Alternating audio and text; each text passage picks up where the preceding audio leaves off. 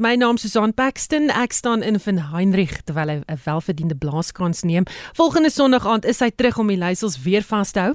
My gaste vanaand is Dr. Oscar van Heerden, politieke ontleder, Theo Venter, politieke en beleidsontleder by die Noordwes Besigheidsskool en professor Pieter Dievenage, dekaan van die departement Geesteswetenskappe by Akademia. Welkom julle. Goeienaand. Goeienaand. Dankie. Goeienaand Susan. Nuus oor die Amerikaanse presidentsverkiesing het vir 'n week en meer die nuus eh, oorheers en toe word die sekretaris-generaal van die ANC, Ys Magashule, in hegtenis geneem die week en eensklaps skuif die fokus terug na nuus plaaslik. Theo, jy het vroeër die week in Spectrum voorspel dat die nuus vandag in diepte bespiegel en bespreek sal word en jou voorspelling het waar geword. Kom ons begin sommer by jou.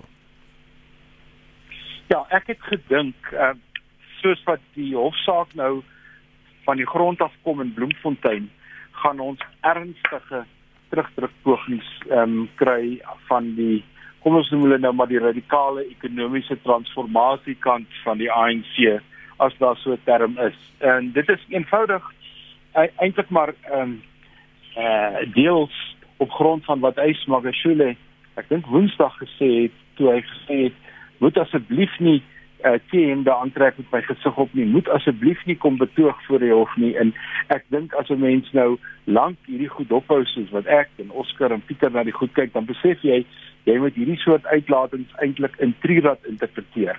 Wat is eintlik kodetaal vir doen al hierdie goed wat ek sê julle moenie moet doen nie, maar omdat ek sê julle dit nie moet doen nie, is ek nou in terme van die ANC se reëls en regulasies en wat ook al is ek baie mooi in plek en kan hulle my van niks beskuldig nie en het hierdie goed eintlik dan spontaan begin. Maar dit het nie spontaan begin nie. 'n T-hemp word nie oornag gedruk nie en 'n groot banier word nie oornag gemaak nie en wisse bestel jy nie oornag nie. Dit is 'n lank lang beplanning geneem en uh, uh ten spyte van die geweldige media aandag dink ek hierdie is die begin van die einde van Ysmagashule se politieke loopbaan. Ek weet hy veg en hy sê hy is onskuldig, maar hierdie soort van goed het 'n manier om te ontwikkel. Dit mag langer neem as wat die meeste van ons wil hê dit moet neem, maar uiteindelik gaan die getuienis wat gelewer word die hof oortuig of nie, nie die media nie, nie die betogings nie. En die een ding wat vir my uh, nogal belangrik is en daarmee sal ek afsluit, is dat die feit dat sy PA, sy persoonlike assistent, uh 'n staatsgetuie geword het en in Amerika sit uh in beskerming en onder die waak van die van die FBI. Sê tog vir my as ek Ismail Geshule was, sou ek bekommerd gewees het want ek dink sy het baie naby aan die dag tot dag gebeure in die premierskantoor gewerk en uh, sy mag dalk net vir hom baie ongemaklike getuienis lewer. Ons gaan nou verder gesels oor hierdie staatsgetuies wat uh hierdie name van genoem is. Uh maar Oscar, jou gedagtes oor die gebeure rondom Eis en die inhegtenisname. Ja, ek wou graag sê Susan, ek stem saam met jou. Hy het presies geweet dat daar 'n veld tog gaan wees. Hy het geweet mense gaan kom. Inderdaad het hy dit nodig. Want hy wil die indruk skep dat hy uh is nie alleen nie en dat daar talle uh, mense is in die ANC lede in die ANC is wat natuurlik vir hom ondersteun. So hy het presies geweet dat daai mense gaan kom met T-hemde met banier presies wat jy gesê het. Ehm um, en natuurlik het hy seker gemaak dat sekere nasionale uitvoerende komitee lede ook uh, daar is wat kan praat um, om die indruk te skep dat inderdaad dat twee kampe in die ANC is. En ons so so self weet so dit is die feit. Die feit van die saak is daar is twee kampe. Uh, ons het dit gesien by Nazareth by die by die uh, konferensie. Ehm um, jy weet Cyril Ramaphosa het maar net so nou uh, nou 'n uh, uh, deur geskuif as die president en so aan en die feit van die saak is hierdie dinge speel nou hulle self uit. Maar wat ek tog wil sê Susan is, ehm um, jy weet ek sien die Pule Mabe sê gedurig vir ons en herinner gedurig vir ons dat uh, Esma Gesula uh, jy weet hy, hy werk saam met die met die uh uh, uh regs ehm um, uh gesags en so voort en ons weet tog maar ek ek sien heeltemal seker hoekom Paul Mabe dit sê nie want en as hy nie saamwerk met die gesag nie dan gaan ons natuurlik sien Hollywood styl uh, arrestasies en dis meer 'n lag aan 'n bietjie rondstoot en so voort. Presies wat die polisie gedoen het met Karl Neels, met Supra uh, by die hof en gesê julle is ongelukkig nie welkom in die hof nie, so ons gooi vir julle uit. Ehm um, so ek weet nie hoekom maak hy daai punt dat daar samewerking is nie want uh, hy het eintlik geen keuse maar om saam te werk. Hmm. Pieter, jou gedagtes dalk ook oor die ANC en die K wat 'n uh, noodvergadering gehou het, maar hy was nooit by hulle nie. Hy het hulle net ingelig van gebeure. Ja, dis baie interessant hierdie gebeure ehm um, Susan en ek sou wou sê dat ehm um, mens moet onthou dat die posisie van sekretaris-generaal van die ANC is nog steeds 'n baie magtige posisie en is nie heeltemal duidelik uh in die ANC se grondwet hoe mens jy weet hoe jy die president van die organisasie en hoe jy die sekretaris-generaal uh van ontslaa raak nie. So daar gaan dit gaan baie interessant wees hoe die ding uitspeel.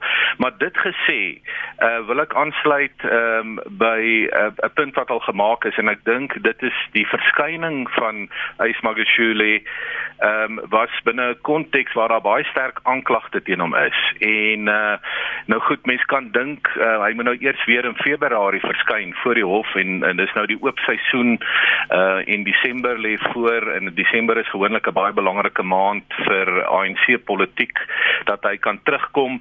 Maar ek het tog vra of hy uh weet of sy posisie presies dieselfde is wat destyds met uh, Jacob Zuma die geval was. Ek dink Zuma het nader na die kern van die ANC gestaan en uh, jy weet met sy sogenaamde struggle uh, geskiedenis en so aan. Ek dink Ys Ys Magashule was nog altyd binne die ANC tipe van 'n wille perd as ek dit so kan beskryf. En vir 'n lang ruk is hy ook uitgehou uh, al was hy 'n magtige persoon in die Vrystaat, is hy uit leierskapsposisies gehou tot 2009 en toe het hy premier geword. So daai geskiedenis, die persoonlike geskiedenis van Ys Magashule is ook baie belangrik uh, om in in ag te te neem.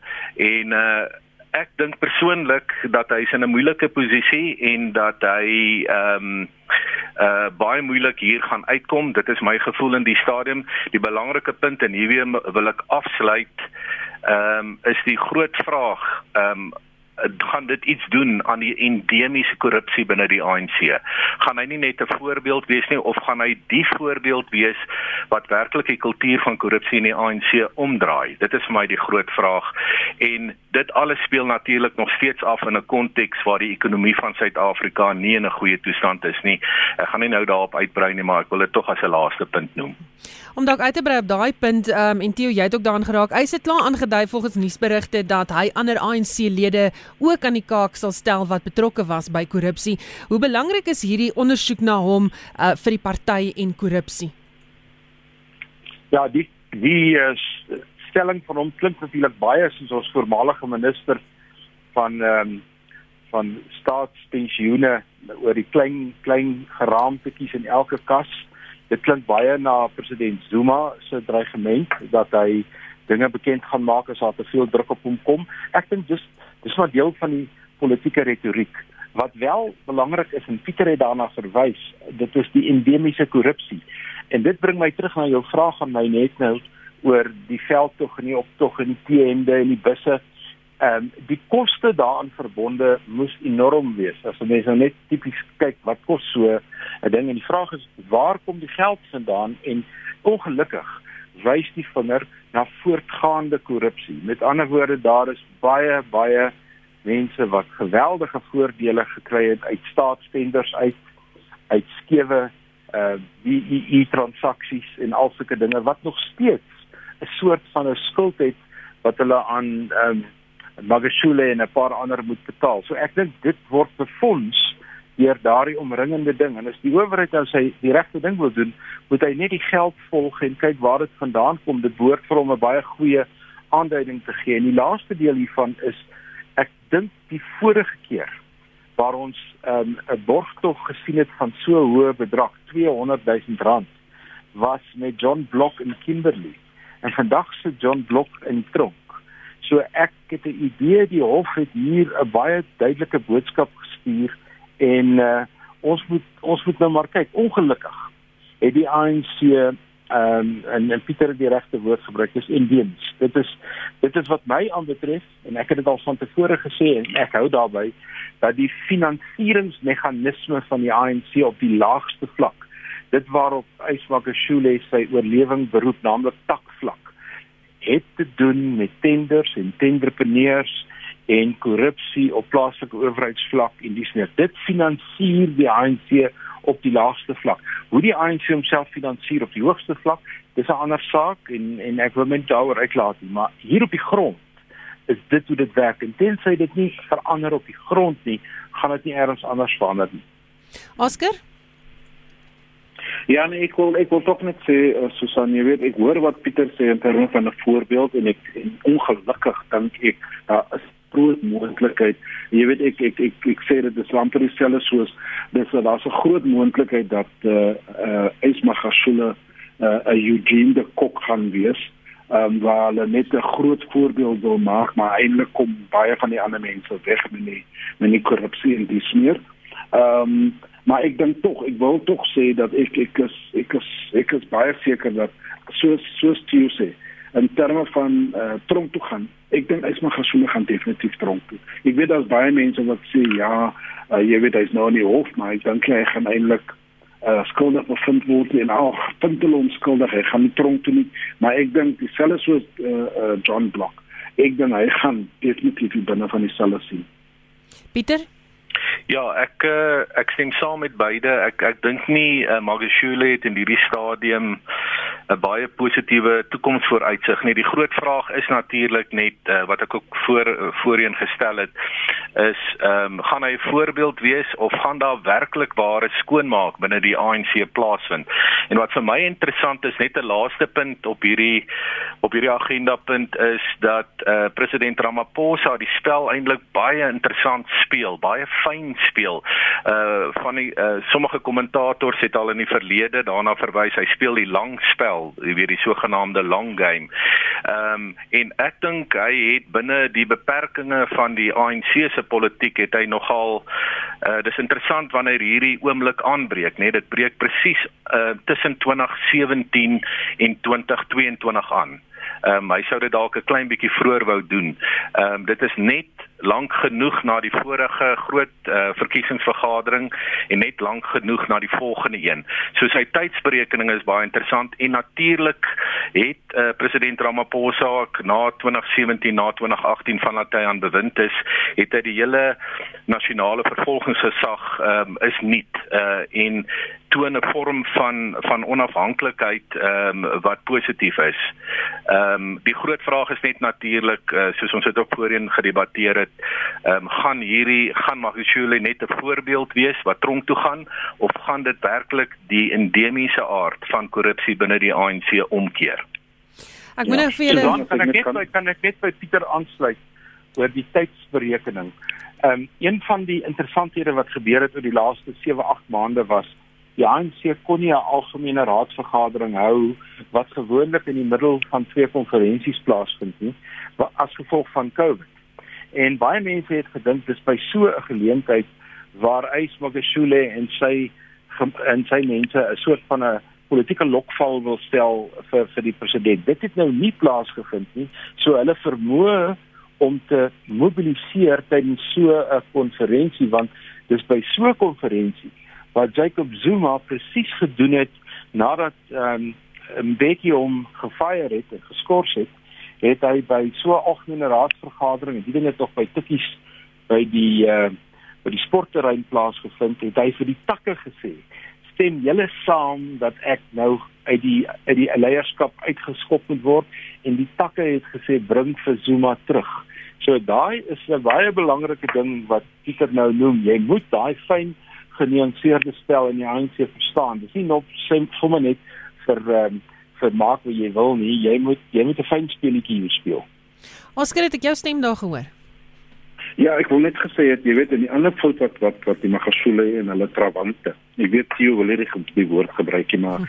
ja, uh, Ys Magashule en sy trawante nie besef nie is alhoewel hulle praat asof hulle agenda het vir die arme vir die arme mense van Suid-Afrika wat hulle nie besef nie is die arme mense is gatvol met die praat van 'n situasie waar daar dinge gedoen word vir hulle, maar eintlik is dit net vir vir die vir die vir die minderheid vir vir die Ysmagasole en sy trawante en ek dink tog hulle hulle wil graag glo hulle het 'n uh, linkse agenda vir mense wat armoede het en Cyril en sy mense is nou nie in in pas met daai agenda nie maar ek dink hulle sit die pot mis.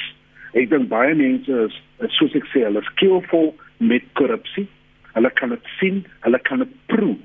En ek dink hulle is 110% agter Cyril Ramaphosa as hy die ANC en die land uh, wil skoonmaak van korrupsie. So daai agendaetjie of daai lyn wat hulle druk, gaan nie werk nie. Ai Oscar het nou te laat gespring om die beep knoppie te druk. nee, ek spot, ek spot. Ehm um, daar Jammer, jammer. Nee, glad nie, glad nie. Jou mening is jou mening. Ehm um, maar wat ek nou vir julle net wil vra voor ek aangaan na 'n ander punt toe is is Ys Magashule se politieke loopbaan nou verby? Pieter, miskien kan jy Ja gesels. Ek ek dink Susan baie interessant is twee boeke wat 'n mens wat die luisteraars ook um, van die luisteraars het seker dit ook al gelees.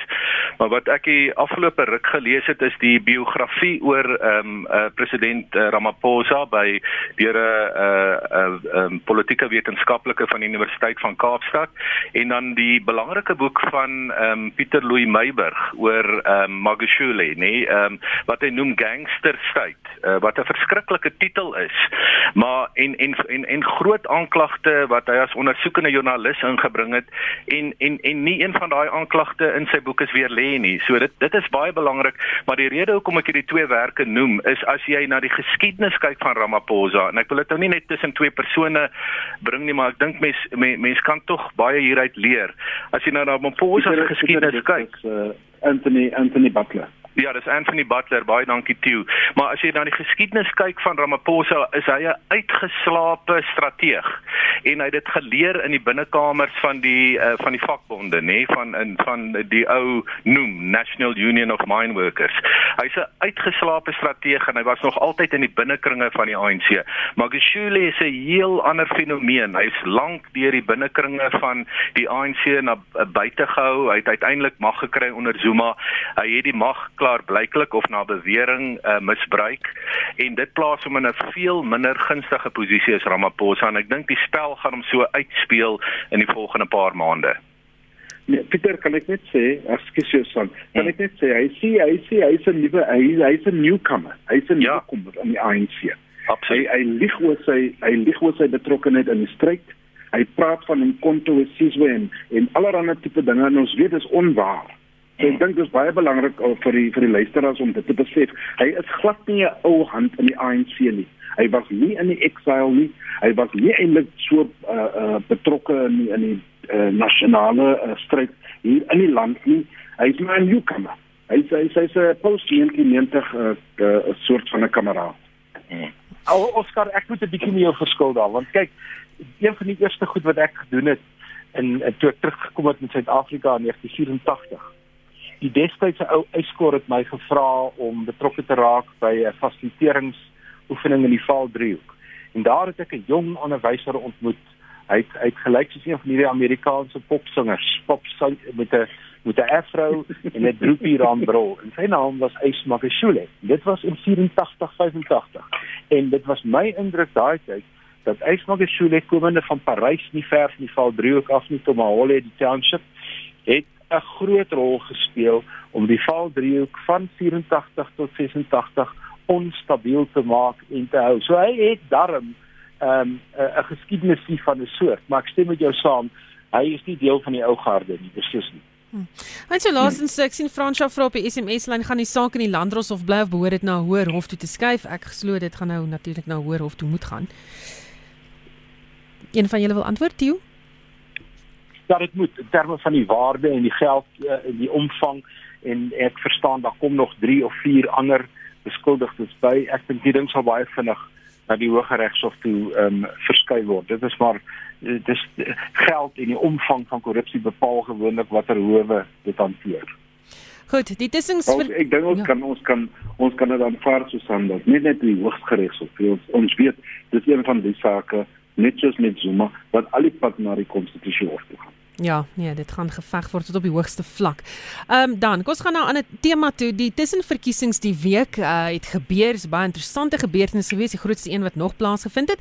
Enige iets wat julle dink 'n uh, interessante tendens was, provinsies wat ons moet dophou uh, en dan belangrik natuurlik die vraag of uh, daar meer stemme na die ANC se kant toe gegaan het of was daar weer 'n stem weg van die ANC af? Miskien Pieter, kan jy begin? Ja, ehm um, ek sou sê Susan, is interessant dat die ANC het, het goed uit hierdie tussenverkiesings gekom, né? Nee, hulle het 69 van die betwiste 96 setels het hulle het hulle gewen. En uh die die die belangrike uh, nou nou die groot vraag is natuurlik waar is hierdie setels? Is hulle in die stede? Is hulle op die platteland? Jy weet 'n mens moet uh, helderheid daaroor kry om iets daaruit te lees, maar maar my gevoel is tog dat die ANC het goed uit hierdie tussenverkiesings gekom kom. Die DA minder goed. Ehm um, dit het dalk te doen met die feit dat daar maar interne woelinge is en interne skuwe binne die DA is en dit lyk asof die DA terugbeweeg na meer 'n liberaal demokratiese uh uh uh benadering uh, wat meer teruggaan na die Tony Leon jare as ek dit so kan stel. Maar hulle het nie so goed gedoen in die tussenverkiesings nie. En dan lyk dit vir my uh of die Vryheidsfront Plus nog steeds um sterk uh wit Afrikaanse steun het dat die Swaizerenike spook nog nie heeltemal begrawe is nie. En uh so uh, uh, ek dink nie daar's te veel om af te uh, uit te lees uit hierdie tussenverkiesings nie. Die groot ding gaan natuurlik volgende jaar wees die plaaslike verkiesings, maar ek dink skerp politieke ehm um, uh, analitici of mense wat uh, empiries hierdie goed bestudeer sal definitief ehm um, patrone hieruit kan af af aflees. Ek sal graag by Oscar en Theo ook meer hieroor wil hoor.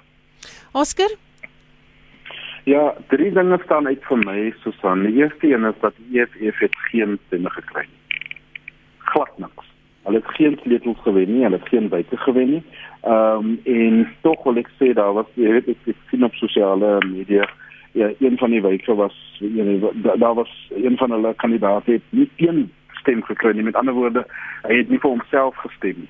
Uh en ek dink dit dit dit praat volume in terme van die EFF. So dis die eerste ding. Die tweede ding is ek dink die identiteitskrisis van die DA kom nou bietjie hy stoom en en en ek dink daar's daar's baie diep bespiegeling wat die DA moet doen. Hulle hulle steenhuisen en en die ander moet bietjie sit in 'n werkswinkel en rondom wat is die identiteit van die DA en hoe kom verloor ons sleutels en en so voort. Ek dink dis 'n tweede punt en dan natuurlik die derde punt wat ek wil tog graag noem is die feit dat die DA baie goed gevaar in die Weskaap en daai wyke wat beskikbaar was in die Weskaap en tot 'n mate het een van die, ek kan nou nie nou wie Susan maar ek ek ek, ek, ek, lees dat iemand praat van secessie en die feit dat die Weskaap miskien onafhanklik moet wees van Suid-Afrika en dis meer ek dink dit is 'n baie baie gevaarlike posisie en dan dit help nie eintlik die politieke situasie in die land nie. Ehm um, ek dink dit is baie dit is dit is dis fyn dat sekere provinsies beheer word polities gesin deur ander partye soos die Weskaap en die DA en moontlik soos in voor vorige jare die KZN deur die AFP en so voort. Ek dink dis dis dis alright. Maar as ons nou praat van secessie en die feit dat ons moet wegbreek, ek dink dis baie baie gevaarlike politiek. Dio?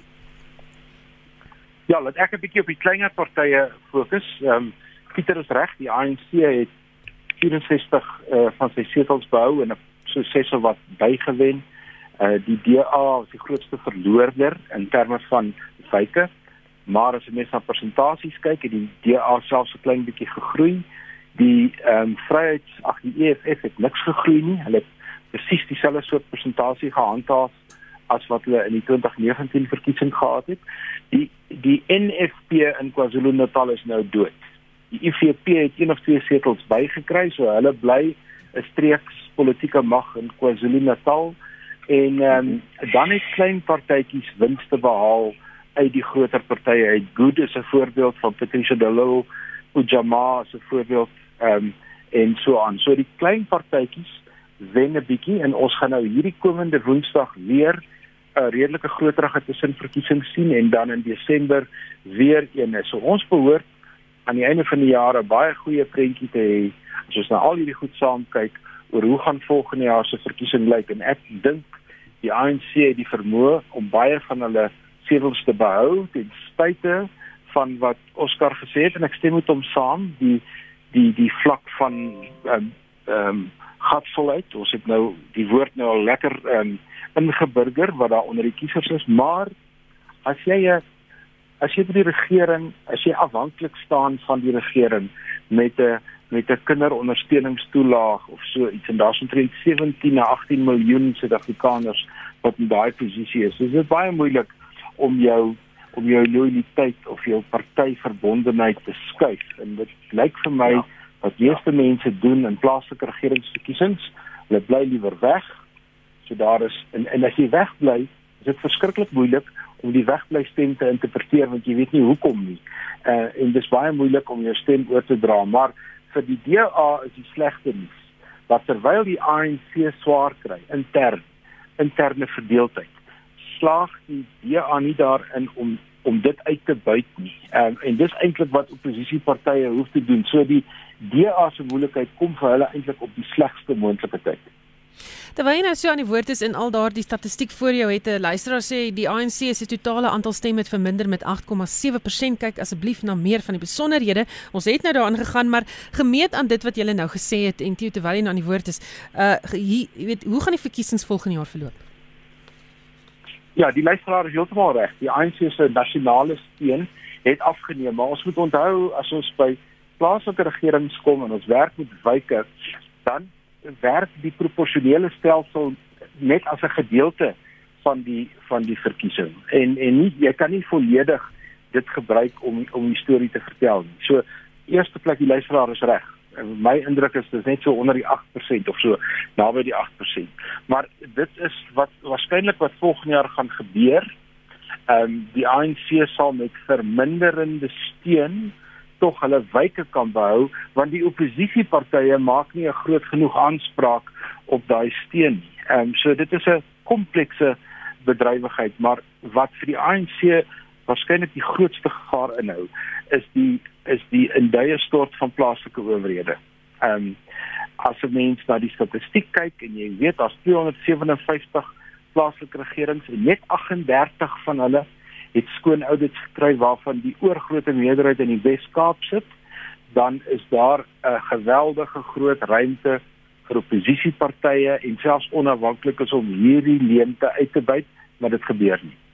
Oscar Die feit dat Cyril Ramaphosa gewen het by die 2017 konferensie in ANC, twee die feit dat ons nou begin sien dat daar definitiewe stappe is om sekere uh elemente verantwoordelik te hou in terme van uh, staatskaping en korrupsie en drie die feit dat uh die president en sy administrasie uh so goed die COVID-19 situasie hanteer dink ek dat volgende jaar se plase vir uh, verkiesing die oorgrootste meerderheid vir die ANC gaan stem. Ek dink hulle gaan die metro's terugvat, behalwe Kaapstad natuurlik. Ehm um, en ek dink daar gaan 'n groot ehm um, uh 'n oorgrootste meerderheid van kiesers wat gaan stem ANC en die laaste die feit dat die DA die identiteitskrisis is uh, wat hulle uh, heidaglik het en natuurlik die EFF se populist uh, politics werk nie meer vir die, vir die algemene uh, man en vrou nie. Vir al daai redes dink ek dat volgende jaar gaan ons sien 'n uh, oorgrootste meerderheid van kiesers wat stem ANC. Pieter Ja, ek eh, ek wil aansluit in hierdie stadium lyk like, lyk like dit of die die ANC goed in die saal is as mens na hierdie ehm um, tussenverkiesings kyk, maar weer eens is vir my baie belangrik waar daai tussenverkiesings was, was dit in die stede of in die platteland, was dit in die Wes-Kaap of in Gauteng? Ehm um, want ek ek ehm um, het tog 'n gevoel dat die ANC gaan as mens nou vat die nasionale verkiesing van ehm um, 2019 dink ek het die het die ANC 54% gekry en dit was landwyd. Dink ek tog van hierdie metro's meer as Kaapstad kan weer in gevaar uh, weer in gevaar staan, maar dan moet die oppositiepartye beter vertoon en ek dink veral die DA moet sy huis in orde kry want dit is eintlik nou die regte tyd vir die DA om na vore te tree uh, die tyd is eintlik ryp, uh, die tyd is perfek vir die DA om goed te doen. Ehm um, maar hulle dit lyk net of woelinge en struwelinge binne die party of posisionering, hoe mense dit ook al wil noem, is 'n probleem. En dan wil ek net laaste sê 'n uh, 'n laaste punt hier Susan, ek dink tog koalisiepolitiek uh binne die plaaslike regering um, sweer is iets wat nie verby is en dit gaan met ons wees. Dit kan self wees dat die ANC volgende jaar 'n uh, koalisie in een van die metro sal moet ehm um, sluit uh, vanweë 'n uh, geleidelike agteruitgang in die in die ANC se stempresentasie so die die afgelope paar jaar. Goed, ek wil graag raak aan gebeure by die Zondo-kommissie ook, maar voor ek dit doen moet ek dink ek ons moet ons eers 'n bietjie kyk na wat in die buiteland buiteland aangaan. Dit is nou spesifiek die FSA. En uh, Trump het 'n interessante uh, tweet uitgestuur vanmiddag en hy het daar gesê he won because the election was rigged. En met daai he verwys hy nie na na homself nie, hy verwys na Biden. Ehm um, Theo, miskien dalk uh, kan jy begin, wat is die jongste verwikkelinge daar en uh, wat is jou interpretasie van hierdie tweet? ja, ek het op 'n stadium die tweet gelees en ek dink ek in my wêreld hier is 'n baie baie ligte erkenning. Ehm um, maar natuurlik moet mens Trump twee of drie keer oorlees. Ehm um, ek dink hy sit in die Withuis en hy verknies homself oor wat gebeur het en hy moet hom oor twee goed verknies. Hy moet hom verknies oor die feit dat die Republikeinse party het sy steun uitgebrei in die Huis van Verteenwoordigers. Hy het nou oor die 200 verteenwoordigers waar hy in die verlede dink ek 188 gehad het so die die Republikeinse kiezer het vir Republikeinse beleid in 'n groter mate gestem as in 2016. Maar Trump het die verkiesing verloor. So die Republikeinse kiezer het 'n onderskeid getref tussen Republikeinse beleid en die persoonlikheid van Donald Trump. Ek dink dis 'n baie belangrike ding wat hier gebeur het. Die tweede ding is wat ons nie moet miskyk nie is dat Trump het sy steun van 63 miljoen na 73 miljoen opgeskuif. So 10 miljoen mense meer het vir Donald Trump in die presidentsverkiesing gestem, maar dieselfde het ook met Biden gebeur. Sy ehm um, steun het ook met 10 miljoen gestyg relatief tot wat Hillary Clinton gehad het. So daar's geen twyfel oor wie die populêre stem gewen het nie. En dan die laaste punt wat ek wil maak, of 'n verkiesing nou verklaar word en of die groot netwerke nou sê we call this state of ons doen dit Dit het geen offisiële betekenis nie. Dit het tradisie geword in die media. Hoe die verkiesing in Amerika werk is dis 50 klein verkiesingkies in die 50 state en elke staat moet teen die 14de Desember moet hulle 'n byeenkomsreël van die wetgewer in die staat en hulle moet by daai byeenkoms moet hulle sê die verkiesing is verby en dan moet hulle die electorale college saamstel en dan word die verkiesing amptelik bevestig en dan word daai verkiesing van die electorale college word dan gehou tot die 6de Januarie waar die visiepresident as die president van die senaat is meneer Pence hierdie ding oopmaak en dan sê wie gewen. En dan is Biden die president en ek dink dis hoe dit gaan loop. Die hofsaake wat die Trump uh, mense oral oor van stapel stuur dink ek nie gaan eers kom nie uh, ek dink hierdie perd is uit die stal uit. Oscar hoekom sou Trump so klou aan die presidentskap? Hy kan dit hy kan ongelukkig net nie glo dat hy verloor het nie. Ehm um, en ek stem saam met jou hy het natuurlik die die sy stem eh uh, in die Republikeine het meer stemme gekry as 2016 en ek dink dis 'n goeie dis 'n goeie ding eh uh, noodwendig in terme van die demokrasie en en die FSA maar Trump is arrogant hy is 'n uh, disruptor hy het geglo hy gaan wen uh, en ongelukkig uh, is dit net nie geval nie. So uh, jy weet ek dink ek ek dink tog dat die ek stem saam dat die hofsaake gaan nêrens nie. Daar's geen uh, die oorgrote meerderheid uh, Amerikaners besef uh, en en sluitende republikane wat sê dat ons dankie ons moet nog hierdie stap nie. Ons moet concede en ons moet net sê Biden wen en so aan. Maar uh, jy weet dis 'n dis 'n moeilike saak met Trump gegee word die feit dat as jy hofsaake het ek wil tog sê, jy weet ek weet mense wil Trump se rug sien. Uh, jy weet hulle hou nie van hom nie en en en so aan, maar die die die, die verkiesingsreëls is sulks dat jy kan natuurlik sê ek soek 'n recount hier en ek soek dit en ek soek dat. En dis wat hy doen. En gegee word dit dat daar hofsaake is, kan hy nie concede nie. Hy kan nie vir Biden bel en sê jy is uh, die die president nie want anders ondermyn hy die hofsaak. Ehm um, ek wil tog sê alhoewel daar hofsaake is, ek dink nie dat daar enige ehm um, bewyse is van van verkeerd doen nie en en die feit dat ek dink dat die howe alhoewel die konservatiewe regters in die in die in die groot in die, in die hoogste hof in die land tog konservatief uh, is en en so aan dink ek hulle gaan almal sê jy weet daar is hier saak nie en ek stem saam met jou. Aan die einde van die dag gaan hulle sê Biden was president en dis nie hoe dit is. Pieter, jou gedagtes. Ja, ek uh, vir my was daar 'n baie interessante ehm um, interpretasie deur die New York Times net na die verkiesing wat hulle gesê het alles dui daarop Biden wen en dat Trump verloor maar dat Trump nog in die politiek van Amerika gaan wees. Ek dink dit is vir my omtrent die kern Susan as ek daarna kyk dat um, ek dink alles dui daarop dat Biden het gewen en dit sal so ehm um, uit een ehm um, val uh, jy weet in in Theo ook mooi verwys na hoe die proses werk. Ek dink definitief Biden gaan die president wees, maar die faktor van Trump is in die hart van die Amerikaanse politiek. Dit beteken en dit is eintlik die interessante kwessie nou, hoe gaan Amerika lyk in die volgende 2 tot 4 uh jaar en self die volgende dekade. En daar weer eens het jy 'n baie belangrike punt gemaak dat die Republikeine uiteindelik relatief goed gedoen. Dit is hulle president het nie so goed gedoen nie. Die Republikeine lyk goed in die huis van verteenwoordigers. Nou goed, die Senaat is hulle nog voor, maar daar's twee baie belangrike verkiesings van twee senatore in die staat Georgia wat in Januarie baie belangrik gaan wees. Ehm um, so, maar ek dink ehm um, die Republikeine het 73 miljoen stemme gekry op 'n president wat nie gewild is nie. Uh, Biden het 78 miljoen stemme gekry, maar die interessante vir my is wat gaan die Republikeinse party nou maak? In die stadium is hulle baie sterk saam met hulle president, maar dit kan wees in die volgende 2 tot 4 jaar dat 'n ander soortgelyke figuur soos Trump na vore tree, maar net meer diplomaties en en en dat hy dan vir die demokrate groot probleme kan gee. Wat die demokrate aanbetref as 'n laaste punt, ek dink Biden uh, het 'n het 'n baie moeilike party, dis 'n komplekse party. Daar is uh, gematigdes, daar's meer radikale figure, daar's die Bernie Sanders in die in die demokratiese party en ek dink Biden gaan baie gaan nie 'n maklike termyn hê as hy nou president is nie en hy's ook soos ons weet nie die jongste president in die geskiedenis van Amerika nie. Pieter terwyl jy mm, ja, gaan aan. As ek as ek net wil iets space space ek dink tog en ek sê ek sit my kop op 'n blok.